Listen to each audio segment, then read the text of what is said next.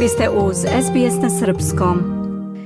Slušate SBS podcast na Srpskom. Kratak pregled vesti. Ja sam Biljana Ristić.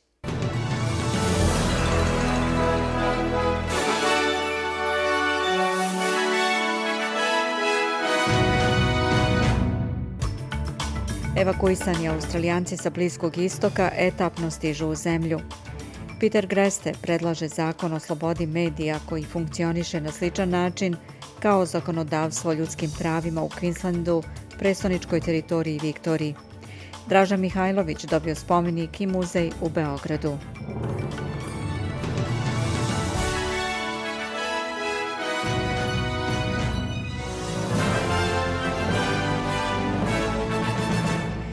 Još jedan broj australijanaca koji su evakuisani sa područja Bliskog istoka je stigao kući, a federalna vlada nastavlja da ulaže napore da i druge koji su se našli zarobljeni u regionu zahvaćenom sukobima vrati nazad u Australiju.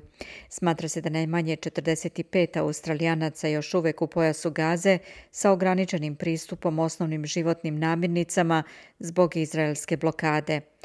Avion Qatar Airwaysa iz Dubaja sa više od 200 ljudi, uključujući i Australijance i dvojne državljane, sleteo je u Sidney. Avion kompanije Qantas je poleteo iz Londona i stiže u Sidney sutra uveče. Palestinci umeđu vremenu pozivaju na veću angažovanost međunarodne zajednice u rešavanju humanitarne krize u pojasu Gaze, koja se nalazi pod vazdušnim udarima izraelskih snaga, u kojima je poginulo više od 2800 ljudi, saopštilo je Ministarstvo zdravlja Gaze. Umeđu vremenu Izrael najavljuje kopnenu ofanzivu. Ujedinjene nacije saopštile su da je više od milion ljudi sada raseljeno u Gazi i upozoravaju da bi verovatna izraelska kopnena ofanziva u narednim danima mogla znatno pogoršati situaciju. Granice u Gazi pod kontrolom Egipta i Izraela ostaju zatvorene. Premijer Australije Anthony Albanizi kaže da iz poštovanja prema prvim narodima nije fair očekivati da će sljedeći koraci ka pomirenju biti formulisani u roku od nekoliko dana od objavljivanja rezultata referenduma. On je uzvratio i na tvrdnje opozicijonog lidera Petera Datona da je referendum bio projekat iz sujete – Nova analiza koju je danas objavila Australijska izborna komisija čini se da potvrđuje vladino insistiranje da je referendum ono što su zajednice prvih nacija želele. Podaci pokazuju da je od deset biračkih mesta na referendumu sa najvećim brojem autohtonog stanovništva njih devet odgovorilo pozitivno. Voteći zagovornik slobode štampe u Australiji kaže da bi australijska javnost trebalo da bude zabrinuta zbog zakona koji ometaju mogućnost novinara da pozovu moćne institucije na odgovornost i zaštite svoje izvore. Peter Greste je radio kao dopisnik u Egiptu kada je uhapšen i zatvoren pod optužbom za terorizam 2015. On kaže da je egipatska vlada iskoristila zakone o nacionalnoj bezbednosti da bi progonila novinare koji joj se nisu dopadali. Njegova organizacija Alijansa za slobodu novinara objavila je belu knjigu 2019. zbog straha da Australija ide u istom pravcu. U Beloj knjizi se navodi da su podaci novinara bili otkrivani zbog policijskih istraga i da su poverljivi novinarski izvori bili opasno izloženi krivičnom gonjenju. On kaže da njegova organizacija predlaže zakon o slobodi medija koji funkcioniše na sličan način kao zakonodavstvo o ljudskim pravima u Queenslandu, presoničkoj teritoriji i Viktoriji. Slušate SBS podcast na srpskom kratak pregled vesti. Generalu Dragoljubu Draži Mihajloviću juče je otkriven spomenik i otvoren muzej u Bregalničkoj ulici u Beogradu na mestu porodične kuće u kojoj je živeo od 1931. do početka rata. Na svečanosti je govorio akademik, pesnik i književnik Matija Bečković. Ulica je bila blokirana, a okupio se veliki broj ljudi.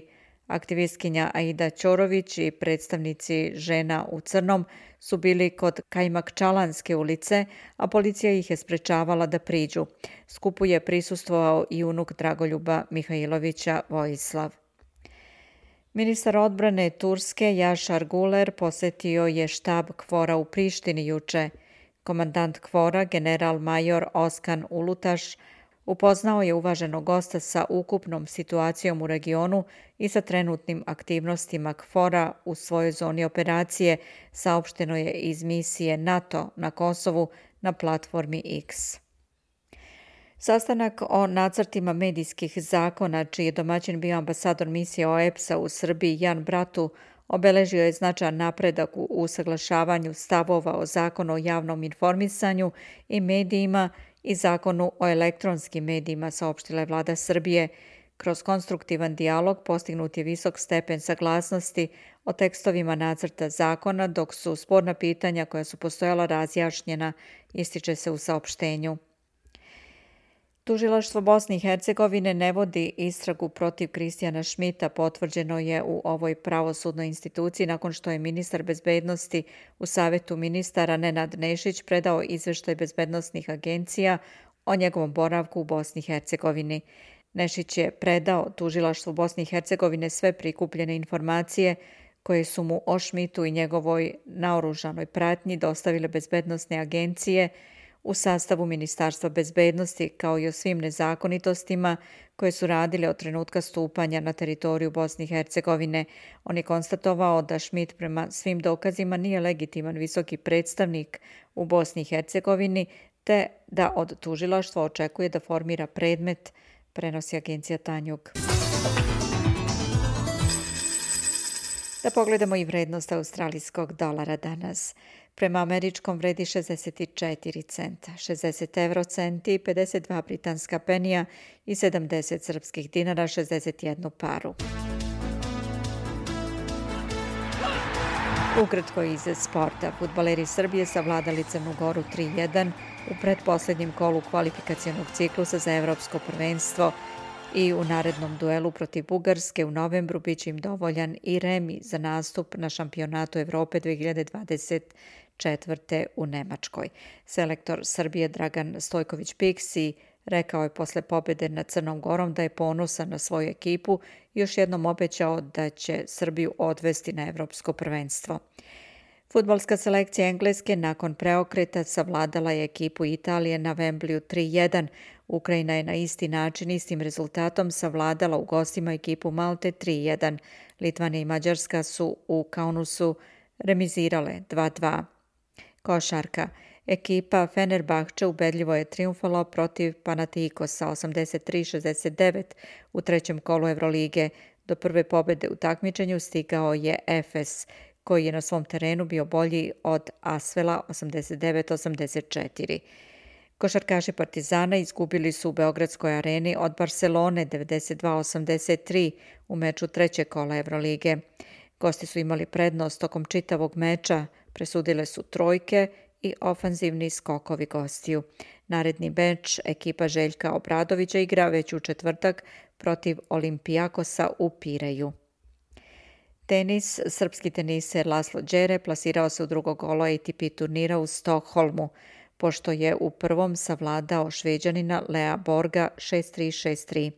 Miomir Kecmanović ubedljivo je savladao šveđanina Krla Friberga 6-4-6-2 i plasirao se u drugo kolo ATP turnira u Stokholmu, gdje će igrati protiv prvog nosioca Holgera Runea. I na kraju vremenska prognoza. U Pertu pretežno sunčano 25, Adelaide sunčano 26 i u Melbourneu sunčano 23. Hobart također sunčano 24, mestimično oblačno u Kamberi 22. Sidney oblačno 21, slično vreme u Brisbaneu 25. U Darwinu sunčano 35. Slušali ste SBS podcast na srpskom, kratak pregled vesti. Za sve najnovije posjetite sbs.com.au kozacrta news.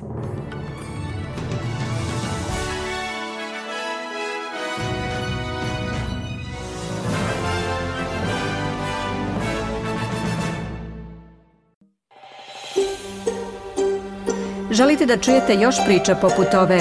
Slušajte nas na Apple Podcast, Google Podcast, Spotify ili odakle god slušate podcast.